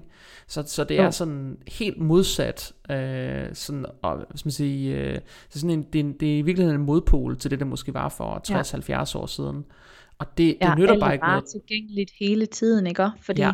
jamen, vi kan tage ud og handle alle tider af døgnet, øhm, alle dage om ugen. Altså ikke engang Tyskland, der har været over 80 millioner indbyggere, har brug for at holde åbent om søndagen. Altså, det, det er sådan, når man, jeg har tysk familie, så jeg har. Mm. nogle gange været, været dernede, og man så har tænkt, hvordan kan I undgå at skal ud og handle den ene dag om ugen? Det kan da ikke passe. Altså, det er jo ligesom om hele verden næsten går ned, men selvfølgelig kan man jo handle nogle steder. Men det er bare det her med, at vi lever i det her fedmefremmende samfund. Vi får hele tiden printet i hovedet, hvordan er du perfekt, og alligevel så skal du spise det her, og du skal også, altså blandt selvstik, det er kun om fredagen. Det er det i hvert fald. Ja. Og vi skal stå i kø for det, for det er også på tilbud, så det er bare gjort ekstra attraktivt på den her Ja. ene dag om ugen, hvor man bare må det hele, i stedet for at tænke, "Men det kan da godt være, det smager godt om fredagen, måske jeg havde lyst om mandagen, altså, eller om tirsdagen. Så der er det her, det er svært at gøre op med alt det, man ser og hører hele tiden. Mm. Og jeg kommer da også nogle gange til det, jeg havde et hold en dag, og så de var så mega seje, og jeg var, fik sådan lige sagt mig, ej, så har I også fortjent, fordi det var weekend, og så var jeg lige ved at sige, hvad I har lyst til af mad, eller du ved, jeg var sådan ved at sige et eller andet, hvor jeg tænkte, det skal slet ikke handle om mad, så jeg fik den vendt over på, hvis der er noget, I synes, I har fortjent, en, en bluse, en et eller andet, I virkelig har haft øje på længe, så synes jeg, del med, I har været så seje, at det er i dag, I skal gå ud og købe den ting til jer selv, eller gøre noget godt for jer selv, Mm. eller lave et fodbad, eller et eller andet, fordi vi tit belønner mad, og det ligger også så dybt i mig, Ja. ja. at jeg kan næsten også komme selv til at sige det en gang imellem. Altså, Ja. ja. Og der ligger noget bare, altså, og det er bare noget, det er noget instinktivt, der er enormt svært at lave om. Altså det er jo en helt kulturel ting, det der med fredagsslik for eksempel. Ikke? Også, det, er jo en, det er jo en sindssygt Ja. kulturel ting, ikke?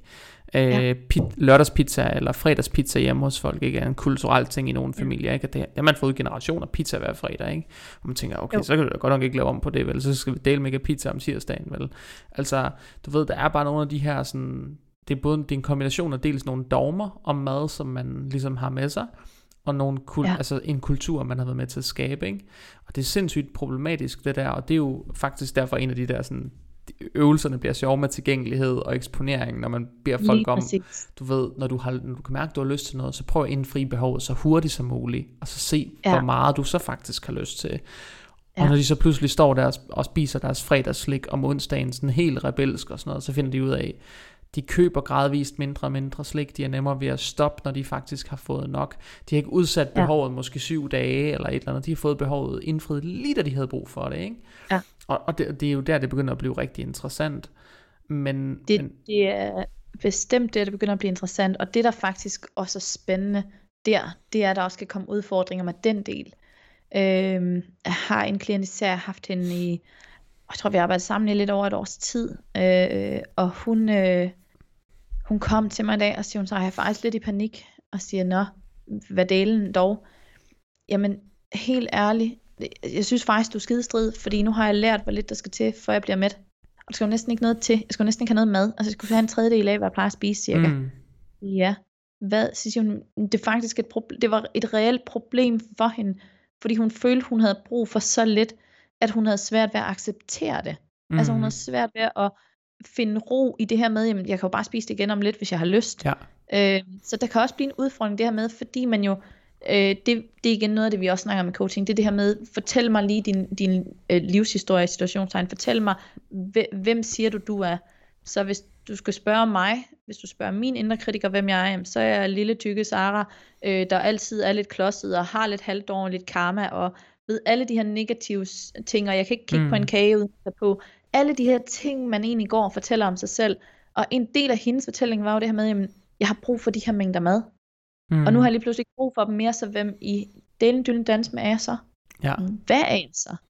Så det kan også være, det er mega spændende, når folk begynder at mærke signalerne, og omvendt så skal man også være opmærksom på, at det kan også være en forhindring, fordi det kan være svært at acceptere, at den person, man var, lige pludselig ikke er den person, man er mere. Også mm. fordi, at folk bliver ved med sådan, Nå, men hvad er du så, eller hvad kan du så, eller du ved, det er ligesom om, man skal have opnået noget, fordi man har tabt sig, hvilket mm. er mål i sig selv for de fleste. Øhm, så der er meget den her med, så skal man lære en ny udgave af sig selv, og lære, ja. at jamen, så er der bare blandt selv slik tre gange om dagen, hvis det er det, man har lyst til, fordi det behøver ikke betyde, at man når samme mængder, som man gjorde en dag om ugen, ja, det var forbudt. Nej. Og det er jo, jeg synes jo, jeg synes jo, der er noget sindssygt magisk ved, når man kan det der, men problemet opstår jo netop, når der kommer sådan en eksistentiel krise bagefter, ikke? Også fordi man finder ud af, Gud, du ved, jeg har måske talt med en om det i dag, som, hvor vi snakker om det der med, jamen, øh, problemet for folk, der taber sig rigtig, rigtig mange kilo, det er, at de, når de har sat vægttabet op på en pedestal, så føles det ja. rigtig godt hver eneste uge, de kommer tættere på. Når de kan se vægten gå ned, så føles det giver virkelig en wow-følelse i kroppen. Men når de så ja. endelig kommer der ned, så finder de ud af, at indvendigt, så er de måske stadigvæk bare sådan en broken down shell, som bare virkelig har nogle kæmpe store udfordringer og problemer. Men nu er deres rustning bare forsvundet, ikke også? Så nu har de det måske bare endnu sværere og endnu værre. Fordi ja. de netop ikke har fået arbejdet med det. De har fokuseret på noget, som var meget ja. sådan simpelt og konkret at forholde sig til, ikke også? Og det er jo noget ja. det, der bliver problematisk. Det er faktisk, hvis ikke man har den her forudgående øh, mentale sparring, eller øh, vanecoaching, eller de her madmentorredskaber, eller hvad, hvad, du ved, hvad man nu kan, altså kognitiv kostvejledning ja. er jo faktisk enormt mange ting, ikke også? Øh, men jo. hvis ikke man har noget bag sig, som ligesom er med til at tøjle alt, alle de underliggende årsager til, hvorfor man gør, som man gør, så får man et kæmpemæssigt problem den dag, at vægttabet det bliver indfriet, fordi så finder man ud af, hvor galt det står til. Ikke? Lige præcis. Og hvem er man, man så, og hvad kan man så? Øhm, når jeg har sådan, jeg har mange klienter stadigvæk, der når de kommer til mig til første samtale, så ved de faktisk ikke helt, hvad det der coaching er. Jeg plejer at sige til dem, det kan jeg heller ikke helt forklare dig, fordi det kommer an på, hvad, hvem du er, hvad du sidder med udfordringer, hvad din historie er, og alt det her. Men som jeg plejer at sige til dem, siger jeg, jeg kan sagtens give dig en træningsplan og en kostplan, og siger, så skal du den lyn dans med følge den, og så kan jeg sagtens få dig til at tabe dig. Ingen problemer. Øhm, men som jeg også siger til dem, siger jeg, det jeg plejer at tegne for dem, og jeg tegner enormt grimt, også af en grafiker, men det er, at jeg tegner to træer. Og øh, det ene, det omhandler de gamle vaner. Og det vil sige, at vi snakker om alle de her ting, de er vant til at gøre. jeg er vant til at tænke negative tanker. Jeg er vant til at spise for meget flere gange om dagen. Jeg er vant til alt det her. Det vil sige, at den her vane, den har fået lov til at slå rødder. tegner sådan et rigtig stort, flot træ, mm. så flot jeg nu kan. Masser af rødder. Det står mega skarpt. Og de nye vaner, det har de gerne vil opnå, det her vægttab, det har de måske forsøgt et par gange, men ah, så kommer der noget, der bliver ubehageligt at være i, og så svinger mm. man over på den gamle bane. Så der får de sådan en lille pind med et lille blad på. Når vi så snakker om, hver gang der kommer uvær, hver gang der kommer ubehag, så er det træerne, der vil vælte. Øh, og det er derfor, at det er altid den nye vane, der når at vælte. Fordi de stadigvæk har rodfæstet den gamle så stærkt. Mm. Den står så stærkt, og den står så bevidst. Så de kan sagtens få en træningsplan og en kostplan, men det betyder ikke, at vi arbejder med rødderne i de gamle problemer. Vi tager bare, altså, vi tager bare fat på en ny ting. Planter et nyt træ, så mm. et nyt frø. Men det er slet ikke sikkert, at det er der, vi skal starte, fordi tit og ofte, øh, og den måde, jeg godt kan lide at tilgå coaching på, det er, at jeg plejer til at spørge tilbage, fordi som siger, at jeg bliver nødt til at finde ud af, hvornår I har plantet de her frø, hvornår de er blevet sået, hvad de fået lov til at vokse af. Mm. Hvordan det her træ er blevet st- så stort og så stærkt, at det er det eneste, du tror på, der kan blive stående. At du tror på, at hver gang du går i gang med noget nyt, så kan det jo ikke hjælpe alligevel. Hvordan er det kommet frem? Øhm, Så, så hvilken vane vander man? Det kan sagtens lade sig gøre for det lille træ til at vokse stort og stærkt. Jo mere man tør vande det, jo mere man tør blive i det her ubehag, i stedet for at flygte fra det, spise sig fra det, træne sig fra det, vande man har vaner. Nogen drikker, nogen slår, nogen tager stoffer, nogen spiser. Altså, ja. det er jo forskelligt, skulle jeg til at sige, misbrug man har. Øhm, men der plejer altid at være en udløser på det alligevel, hvad det så end er. Ja. Hvis man kan lære at bære i noget af det, så kan man blive ved med at vande den gode vane. Det betyder ikke, at man ikke går over på den gamle bane. Den kender man, det er en motorvej, den kører bare lige ud af landevejen. Vi, vi ved det. Den er altså helt simpel at være på. Øhm, men hvis vi kommer tilbage på den humplede, på den nye vej, så kan man prøve at, at lære at være i det stille og roligt. Og så kan man faktisk også lære, at noget, der er hamrende hårdt at være i, og vidderligt, der taler jeg af erfaring, det er så behageligt, det er så hårdt at være i. Men den sejrsfølelse, man kan få, når man overkommer det, eller faktisk ikke engang skiller sig ud efter en overspisning, men er nysgerrig på det, den er så vild. Altså det er så fedt. Så det kan give så meget mere end at vande den gamle vane.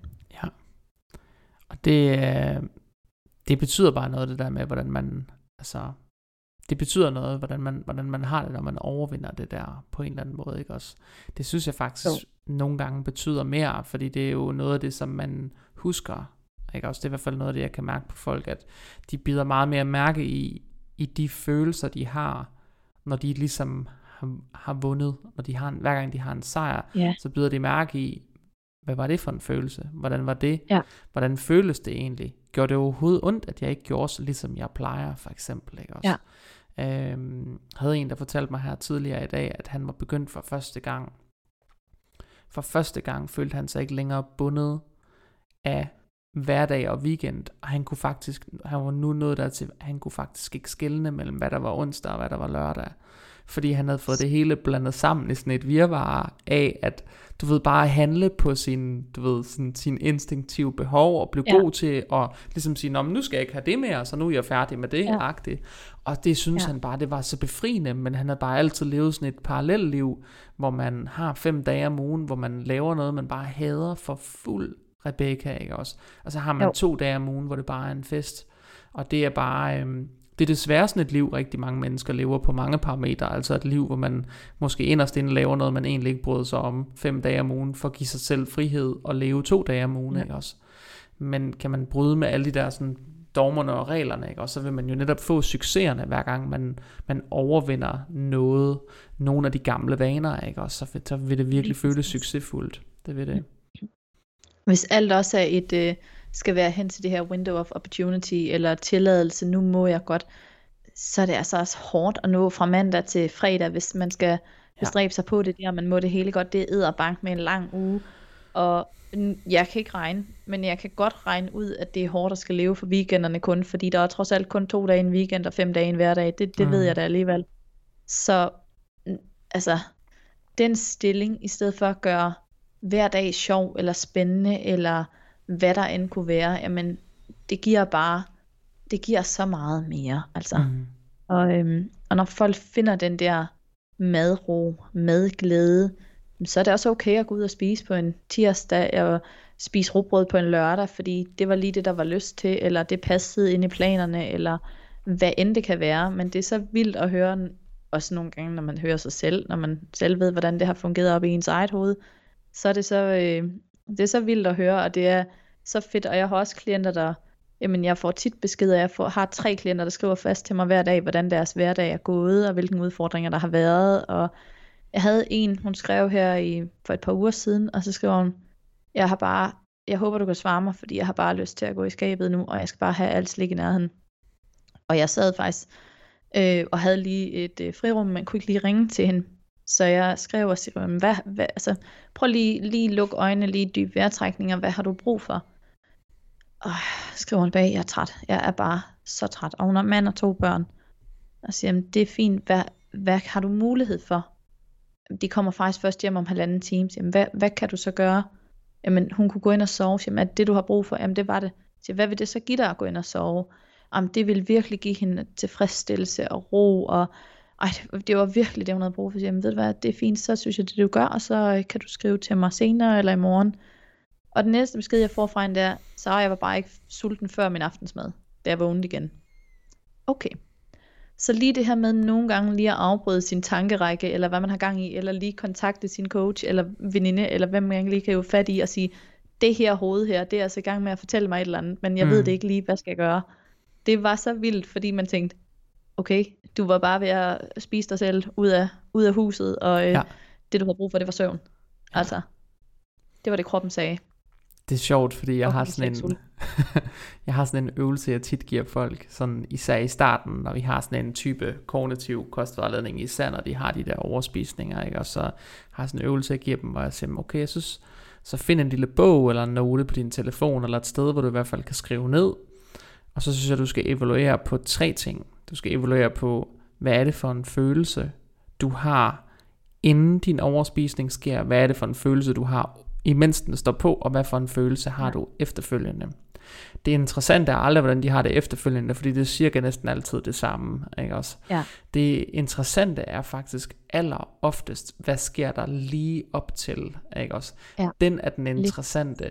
Og tit og ofte så opdager de efter nogle gange, når de har skrevet ned, så kommer de og siger, prøv lige at høre, det er mærkeligt, fordi jeg har skrevet her hver gang, at det er, når jeg, øh, nu siger du det der med træthed, så kunne det være træthed. Jeg har en, hvor for hvem det er kaos.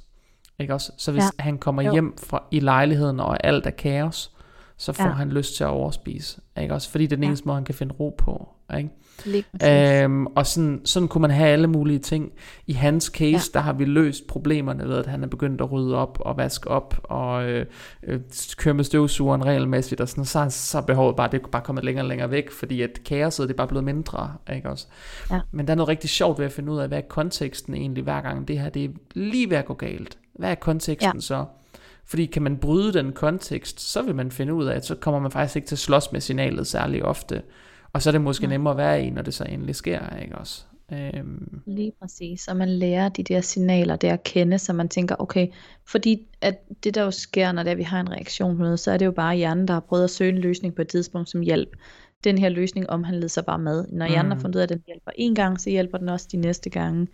Jeg har både den øvelse, der hedder Min klienter, den minder helt vildt meget om din, hvor at de kan skrive en seddel op på slikskabet, eller køleskabet, eller barskabet, skulle til at sige, hvor end de går hen, og så inden de tager noget, der er ikke noget, der er forbudt at tage, og de må tage lige de mængder og alt det, de vil have, men de skal bare lige skrive op, hvad det er, der gør det. Altså igen, er jeg ked af det, er jeg sur, er jeg trist, er jeg vred, er jeg glad, er jeg whatever. Altså, og så netop finde ud af det her med, hvad er det for en følelse, jeg oftest handler på på den her måde. Mm. Øhm, jeg siger tit til mine klienter, når jeg tager dem ind, siger, jeg tager aldrig alle klienter ind, jeg tager altid, giver, finder altid om vi er et match, og er vi det, så får de to krav fra mig. Jeg skal egentlig ikke stille krav til dem, men jeg beder dem om at være nysgerrige, fordi jo mere nysgerrige og åbne de kan være på de reaktioner, de har, jo mere kan vi lære sammen. Vi indgår et partnerskab, så jeg kan hjælpe dem. Så jo mere de tør være i det, øh, også selvom man spiser og spiser og spiser, jamen, det er fint, for der har været en reaktion, der har været noget. Så nysgerrighed er den ene ting, og så skal de være modige nok til at være i det, og modige nok til at dele det. Og ja, nogle gange så siger folk, prøv lige at se, hvad jeg vejede, eller hvad jeg spist, og det lyder forkert at sige, men jeg hverken næsten ser eller hører det. Altså det, det lyder ikke for mig af meget, hvis folk kommer og tænker, hold kæft, jeg vejer meget, men jeg ser ikke tallet, jeg mm. ser personen. Øh, når de kommer og fortæller, at de har spist fem plader Marabu og to Ben Jerry's, og så tog de også lige halvdelen af kaner fra skraldespanden igen, så hører jeg jo bare, at der er sket et eller andet spændende, vi lige skal have fundet ud af. Jeg sidder jo ikke og tænker, hold dæk, if man kunne du spise? Altså, nej, ja, det rager mig da en høstblomst, de har spist i bund og grund. Det, der ikke rager mig, det er, hvordan kom du hen til det? Ja. Hvad skete der? Hvad skal vi have fat i? Altså, mm-hmm. igen, maden er bare et symbol, men det er ikke problemet, det er bare et symbol Nej. på et eller andet. Ja. Og den skal vi nørde i, og det er spændende, og, og det er sjovt. Og oftest er det jo et primært et symbol på, at de ikke ved, hvad de ellers skal gøre. Ikke? Også det er faktisk, det er, sådan en, det er egentlig oftest sådan en reaktion i magtesløshed på en eller anden måde, ikke? hvor man ja. virkelig ikke ved, hvad fanden skal gøre med det her. Ikke? Også, og så er det det, man ja. gør, fordi man, man kender simpelthen ikke andet. Vel? Man har ikke andet forsvarsmønster. Vel? Øhm, og det er, jo, det er jo det, som bliver så ekstremt det bliver så ekstremt interessant, når de så begynder at dykke ned i, hvad er årsagssammenhængen her, for når først den dukker op for dem, så, og de begynder at gøre op med årsagerne, så, så forsvinder problemet faktisk også lidt stille og ja. roligt, ikke også? Det er præcis.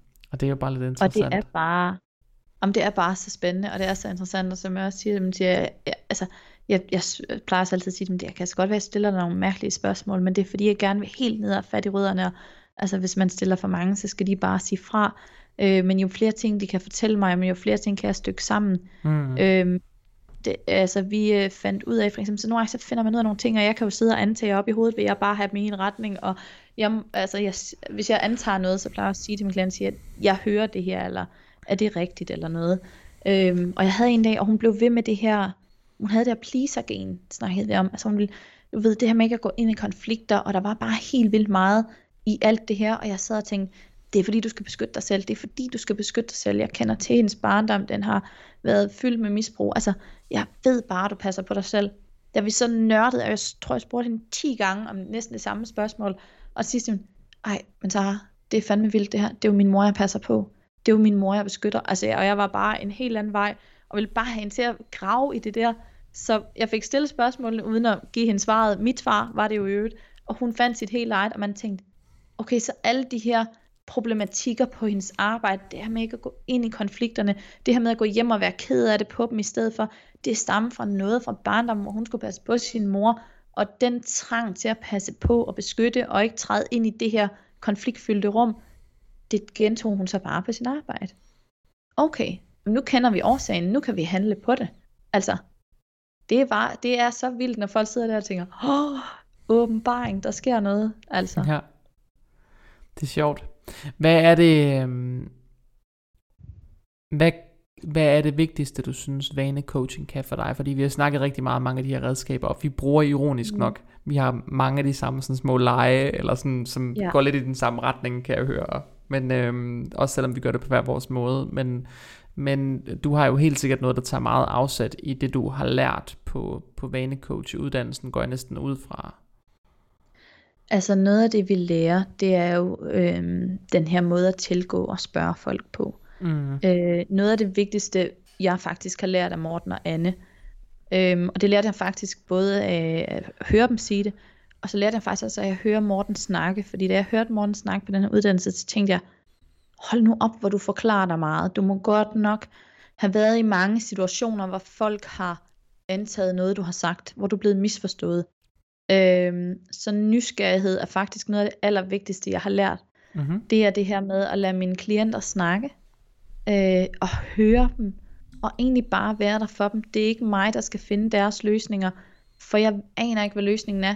Jeg kan sagtens nogle gange, hvis de ikke kan finde på noget, jamen så kan jeg godt komme med forslag til, hvad kan de gøre i den her situation. Øh, når man har en vane, så kan man ikke have en ikke-vane. Vi kan ikke ikke gøre noget. Så hvis jeg vil af med en vane, så skal jeg gøre noget andet i stedet for. Mm. Og det er jo så det, vi prøver at finde ud af, hvad skal jeg så erstatte den med? For når jeg vælger at spise på, hvad ked af det, så er det jo fordi, jeg har brug for noget. Når jeg vælger at spise for den her følelse, eller den her følelse, eller den her tanke, eller det her behov, så er det jo fordi, jeg mangler noget. Men hvad er det, jeg mangler? Jeg mangler at finde ro, så, så kan jeg gå ind og sove, når det er på det her tidspunkt. Men jeg kunne egentlig bare godt sidde og nyde en kop te. Nogle gange er det jo helt simple løsninger, der skal til, og andre gange skal vi grave mega dybt. Det vanecoaching kan, det er, at den kan lytte. Mm. Helt vildt. Og når folk bliver hørt, så giver det bare en til at sige sådan selvtillid, ja, det, ja, der er så vildt at se hos folk, fordi de får sådan en, jamen det kan jeg, altså de har jo selv taget beslutningen, fordi når de kommer til mig som personlig træner, siger, du skal lave den her øvelse, nogenlunde, de må gerne have en, de må gerne stemme imod burpees, og så siger jeg, det er fint, så skal du ikke lave dem, eller hvad det nu end kan være, man må gerne have en mening. Her der får de jo hele holden selv lov til at komme med deres løsning. Mm. Jeg kommer ikke med noget. Det gør de. De bringer det hele. Og så stiller jeg tosset spørgsmål. Og så stiller, stiller du tosset spørgsmål, siger du det? Ja. ja.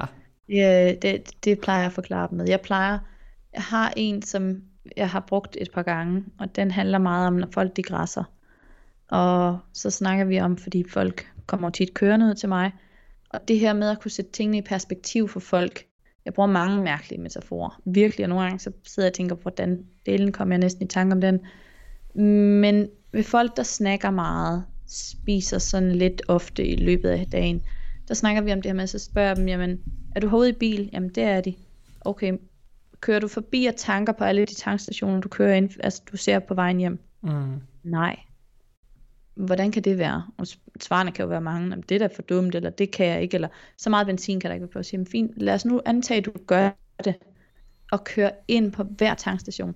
Hvad vil der ske, hvis man lader som om den her benzin, den ikke ryger ud af bilen, men bliver inde og fylder op inde ved instrumentbrættet og inde Hvad sker der så med bilen? Så går den jo stykker. Okay. Hvorfor har du så ikke tanket hver gang? Det har den jo ikke brug for. Okay. Så vi begynder at overføre nogle af de her ting, også sådan noget med, ridser du din bil, hvis den har fået en ris, ligesom reklamen i fjernsynet, ridser man så videre? Nej, så bliver det jo dyrere. Okay.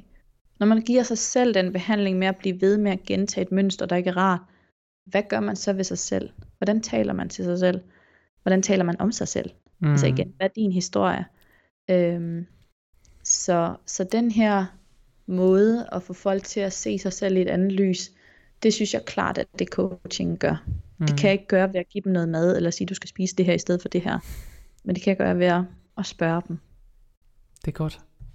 Jamen, øh, jeg synes faktisk, det er sådan en super fin afrunding på den her lange snak om, hvad vanecoaching kan. Øh, jeg synes, øh, det, jeg synes, det har været super fint og super interessant, og så var det var super fedt, at du har fået lyst til at deltage, Sara. Vi har jo snakket om det nogle gange, det er jo ikke nogen hemmelighed, øh, det her med, at vi har haft det her mentorship, og du nævnte det her med, åh, det kunne også være spændende at prøve at lave en podcast, og så sagde jeg, kom, så skal du være med i min, fordi øh, det må du godt, og jeg mangler lige en vanecoach til at tage det her afsnit.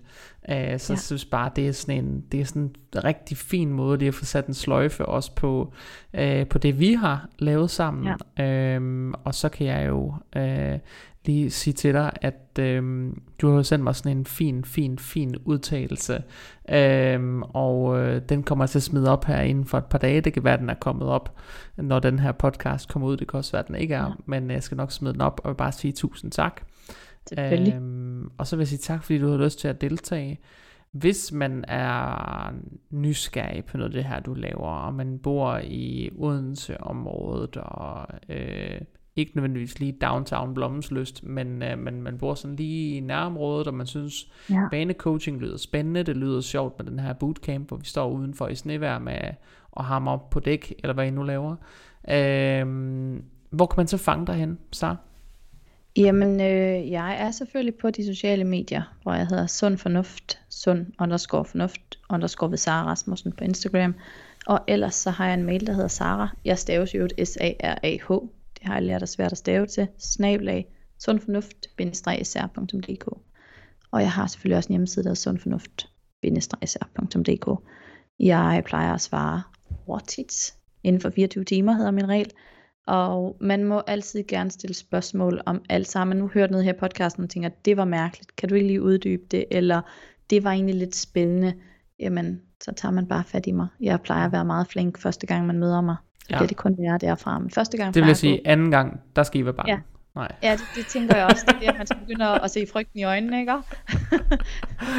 Men øhm, jo, det er, og første gang er jo altid jo uforpligtende. Der er ikke, jeg har øh, lært meget af dig, og jeg har også lært, at øh, man fanger ikke nogen ved at love dem en masse ting, man ikke kan holde, og man hjælper i hvert fald ingen mennesker ved ikke at kemi med dem, så jeg har som sagt øh, det privilegie, at jeg kan vælge de klienter, jeg har lyst til at arbejde med, for jeg ved, at øh, hvis de ikke er noget, jeg har dem, jeg sender videre til andre, så hvis man tager fat i mig og siger, oh, du bor sgu godt nok lige lidt langt væk og online, jo, det fungerer, men jeg ved ikke lige, om vi er et match, så spørger man alligevel, det kan da være, at jeg kender nogle andre. Altså, ja. igen. Vi er, er her for at hjælpe hinanden. det er vi. Og ellers så er, har du barsel lige om lidt. Ja, det ved jeg. Og det kan jo være, at man kan tage sådan en uddannelse under sådan en barsel sikkert. Det bliver din kæreste sikkert utrolig glad for. Jeg kan forestille mig, at jeg får nogle hug herhjemme, hvis jeg kommer og siger, Nå, jeg tager lige på kursus, vi ses. ja, det, kunne godt ske. Det kunne godt ske. Det kan Men godt være, der var en, der... Vi også, er, vi er også kollegaer på det område på et tidspunkt. Det er i hvert fald kun anbefalesværdigt. Og jeg nu har jeg jo taget den her vanecoach, og taget madmændelsuddannelsen, eller i gang med madmændelsuddannelsen.